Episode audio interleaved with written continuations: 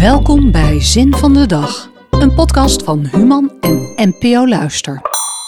Ik heb gemerkt dat je mensen alleen kunt veranderen als je hun hart raakt.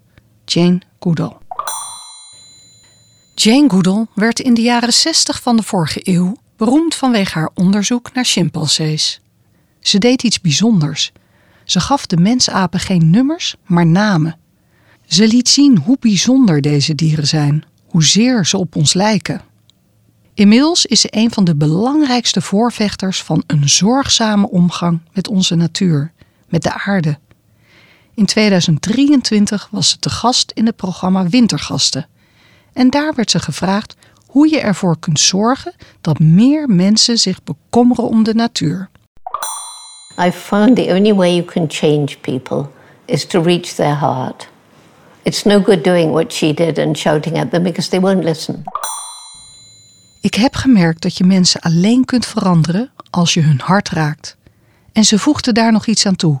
Schreeuwen heeft geen zin, want dan luisteren ze niet. Dit typeert Jane Goodall.